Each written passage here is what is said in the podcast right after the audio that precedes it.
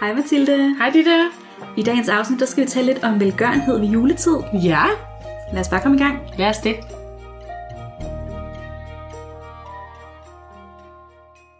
I går fortalte du om, at uh, traditionen med at give julegaver, den oprindeligt stammer fra, at man i middelalderen gav almisser til de fattige. Mm. Og der har jo altid været forskel på, hvordan rig og fattig har kunne fejre julen. Så det giver god mening, at der har været tradition for, at de rige har givet til dem, der ikke havde helt lige så meget. Ja. Og i middelalderen, der var det også en almindelig tro, at man kunne frelse sin sjæl ved at give almisser. Så det var så også en af grundene til, at det var ret almindelig praksis. Okay. Øhm, det her kristne fokus i julen, det har jo også været medvirkende til, at man gav de her almisser, simpelthen både for at hjælpe nogle andre, men altså også for at redde sin egen sjæl.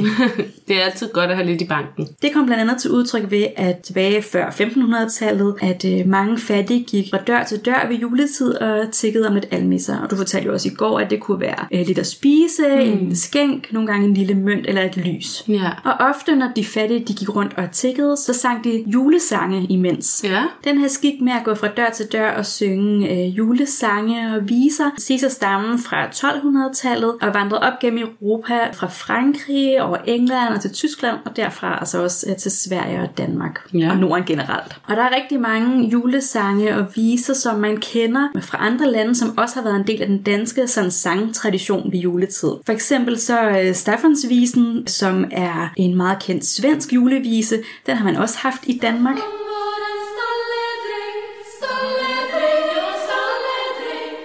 Den engelske julevise 12 Days of Christmas, Ja. den har også været en dansk udgave, der hed Første juledag, Sankt Martin Margav. Første juledag, Sankt Martin mig gav En kugle på min hånd, den tager ingen mand Nej, den kan jeg godt. Det er meget sjovt, at, at der er mange andre julesange, som man også hører i dansk oversatte udgaver. Ja. Men det er altså sådan noget, man har haft helt tilbage til middelalderen. Ja, det er ret sjovt. Det har overlevet så længe. On the first day of Christmas, my true love sent to me a partridge in a pear tree. Når vi kommer længere op i tiden, op til 1800-tallet, så kommer der også mere fokus på de fattige. Og det er især i takt med, at man begynder at komme mere ind til byerne, der bliver det mere koncentreret, at man oplever de her problemer med fattigdom. Ja. Der er mange, der flytter fra landet ind til byen for at få et bedre liv, men det er altså ikke altid, de oplever, at de lønninger, de kan få, for eksempel på fabrikkerne, de rækker, især ikke i juletiden. Nej. En skildring af de her klasseforskelle, der var øh, i byerne på det tidspunkt, møder vi i H.C. Andersens fortælling om den lille pige med svovlstikkerne. Mm. Den udkom i december 1845 og sætter jo virkelig lys på problemerne med øh, fattigdom på det her tidspunkt. Ja, den er så sørgelig, den historie. Her møder man en lille pige, der er ude og sælge svovlstikker en mørk nytårsnat, og som simpelthen omkommer på gaden, imens hun drømmer om at være inde i den varme stue. Ej, det er fuldstændig hjerteskærende. Ja, fortællinger som den her, både i kunst og litteratur, sætter altså fokus på de her samfundsproblemer, og borgerskabet får også øjnene op for, at der må gøres noget ved, at der er så mange fattige mennesker, som lever under de her vilkår. Og man vil jo gerne være gode kristne og hjælpe sin næste. Det er altså også noget, som begynder at lægge borgerskabet rigtig meget på sinde. Mm. Det hører vi blandt andet også om i Peters jul, mm. som vi jo også har talt om mange gange før. Der er faktisk et lille afsnit, der handler om at hjælpe de mindre bemidlede i julen. Mm. Den fattige Rasmus er kommet herhen. Han har det derhjemme kun dårligt, men nu skal vi ham nok fornøje. Et godt stykke legetøj skal han få, og mor hun siger, at hun vil gå og hente min ældste trøje.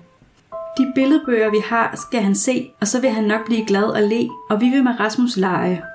Og mor en kop kaffe ham skænke vil, og skære af julekagen dertil, og vi vil ham æbler stege.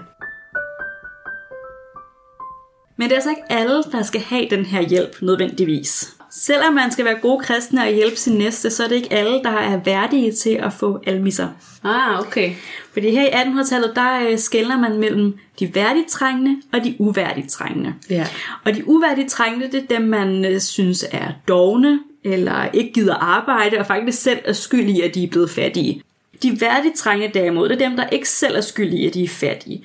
Det kan være, at de har arbejdet, men er blevet syge. Mm. Øh, det kan også være en enke, der har mistet sin mand, som ja. før forsørgede hende. Ja. Og de her værdigt trængende er ofte nogle grupper i samfundet, som borgerskabet kan identificere sig med. De står altså i en situation, som de også selv kunne risikere at havne i. Fordi på det her tidspunkt, der er der ikke noget velfærdssamfund, der kan gribe folk, hvis ja, de bliver syge eller arbejdsløse. Mm-mm. Så borgerskabet kunne også risikere at komme i uheldige situationer i deres liv, og så vil de selv stå uden øh, ret meget hjælp. Ja, jamen det giver jo god mening, at man så gerne vil hjælpe lidt på forhånd skabe sådan et system, der måske kan gribe, gribe en i fremtiden. Og på det her tidspunkt, der er der ikke så meget hjælp at hente, hvis man kommer i økonomiske problemer. Det eneste sådan officielle tilbud, man har, det er fattigården, og det skal mm. altså være virkelig slemt, hvis Ja. man øh, skal derind. Ja. Og derfor opstår der en masse velgørenhedsforeninger rundt omkring i landet, som skal hjælpe de her værdigt trængende. Og det er borgerskabet selv, der tager initiativet, og de her foreninger, de har forskellige fokus. Det kan være enker efter murmester, eller nogle andre, sådan, det er meget specifikke Nå, nicher ja, ofte. ja. Og så er der en rig person, der har skænket nogle penge, eller oprettet en fond, øh, og så er det ligesom vist mærkesag, de mennesker, man hjælper. Mm. Og også i forbindelse med julen opstår der forskellige af de her foreninger.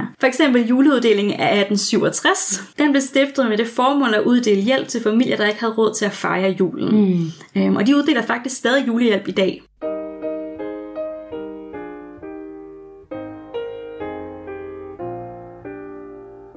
I starten af 1900-tallet kommer der også en anden form for julevelgørenhed på banen, nemlig julemærkerne. Ja, dem kender man. Og det er lidt sjovt nu, hvor vi har talt om velgørenhed i forhold til, at man har givet hjælp til selve julefejringen. Ja. Hvor julemærkerne bruger julen som anledning til at lave en indsamling, øh, så man kan støtte fattige familier året rundt. Men det er, den har jeg aldrig tænkt på det før. Nej. til gengæld. Nej. Men jeg synes bare, det var lidt Ja. sjovt, at der var forskel på, Ja. om det er sådan specifik hjælp til julen, Ja. eller om julen er en, et tidspunkt, hvor der har været tradition for at give almisser, eller for at hjælpe andre. Ja, og så kan man lige så godt få en bid af kagen. Præcis. Ja. Det første julemærke, det kom på markedet i 1904, øh, Mm. og det solgte i 6 millioner eksemplarer. Okay, det er meget godt klaret. Og det var et øh, mærke med frivillig ekstra porto, man mm. kunne sende på sin julepost, øh, hvor overskuddet altså skulle gå til at støtte udsatte og syge børn. Ja, okay. Det var en postekspedient på Købmagergades postkontor i København, der fik ideen, fordi at han øh, så der til jul, var helt afsindig mange pakker og breve, der blev sendt, og så tænkte jeg, "Mm, der må der være en måde at øh, bruge det her meget post til at samle ind til velgørenhed. Ja, god idé. Øh, og prisen for et julemærke var i begyndelsen to øre. Ja.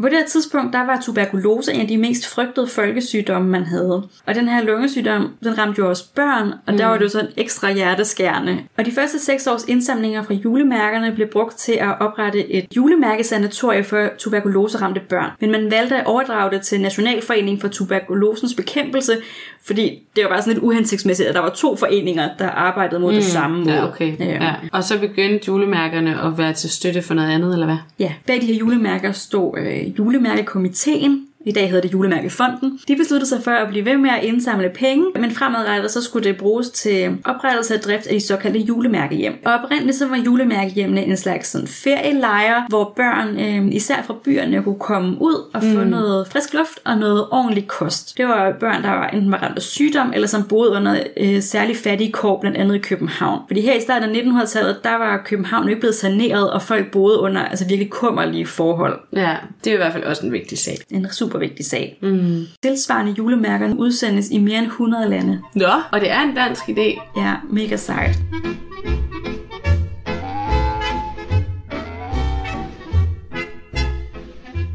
Julemærkerne har ikke været det eneste måde, at man kunne støtte syge børn i julen på. Det har jo bare været ret populært. Under besættelsen var der nogle journalister ved Dagbladet Politikken, der fik en idé om at sælge rødhvide julehjerter som en demonstration mod tyskerne, og der gik overskud af salget altså også til at hjælpe syge børn. Mm. Og de her julehjerter, de blev så populære, at de endte med at måtte overdrage projektet til børnenes kontor i 1949, altså fordi de, der var for store mængder til, at de selv kunne håndtere det Okay. længere. Øhm, og børnenes kontor, de solgte i forvejen julehjerteformede markader, som også skulle støtte dårligt stillede børnefamilier. Dem solgte de på det, de kaldte for julehjertets dag, som startede den 23. december i 1943. Nej, det har jeg ikke hørt om før. Hvor fint.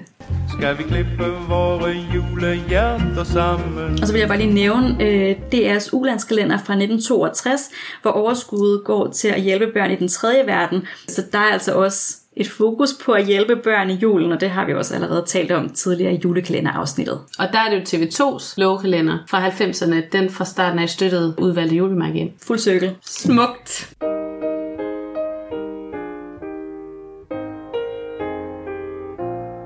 Også i år er der mange, der har brug for hjælp i julen, og efterspørgselen på julehjælp er større end nogensinde før. Hos Røde Kors er der i år 20.000 familier, der har søgt om julehjælp, da øh, og det er en stigning på 5.000 i forhold til sidste år. Ja.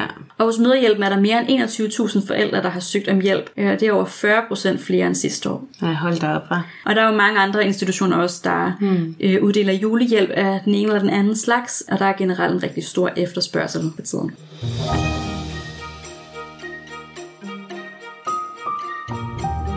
Det var godt nok spændende at høre om øh, velgørenhed i julen. Det er jeg glad for, du synes. Ja, især synes jeg jo, det var sjovt, du lige valgte at læse lidt op for Peters jul. Fordi i morgen er det en af de julehistorier, jeg har udvalgt, når jeg skal fortælle lidt om julefortællinger. Det vil jeg glæde mig til. Vi ses i morgen. Vi ses.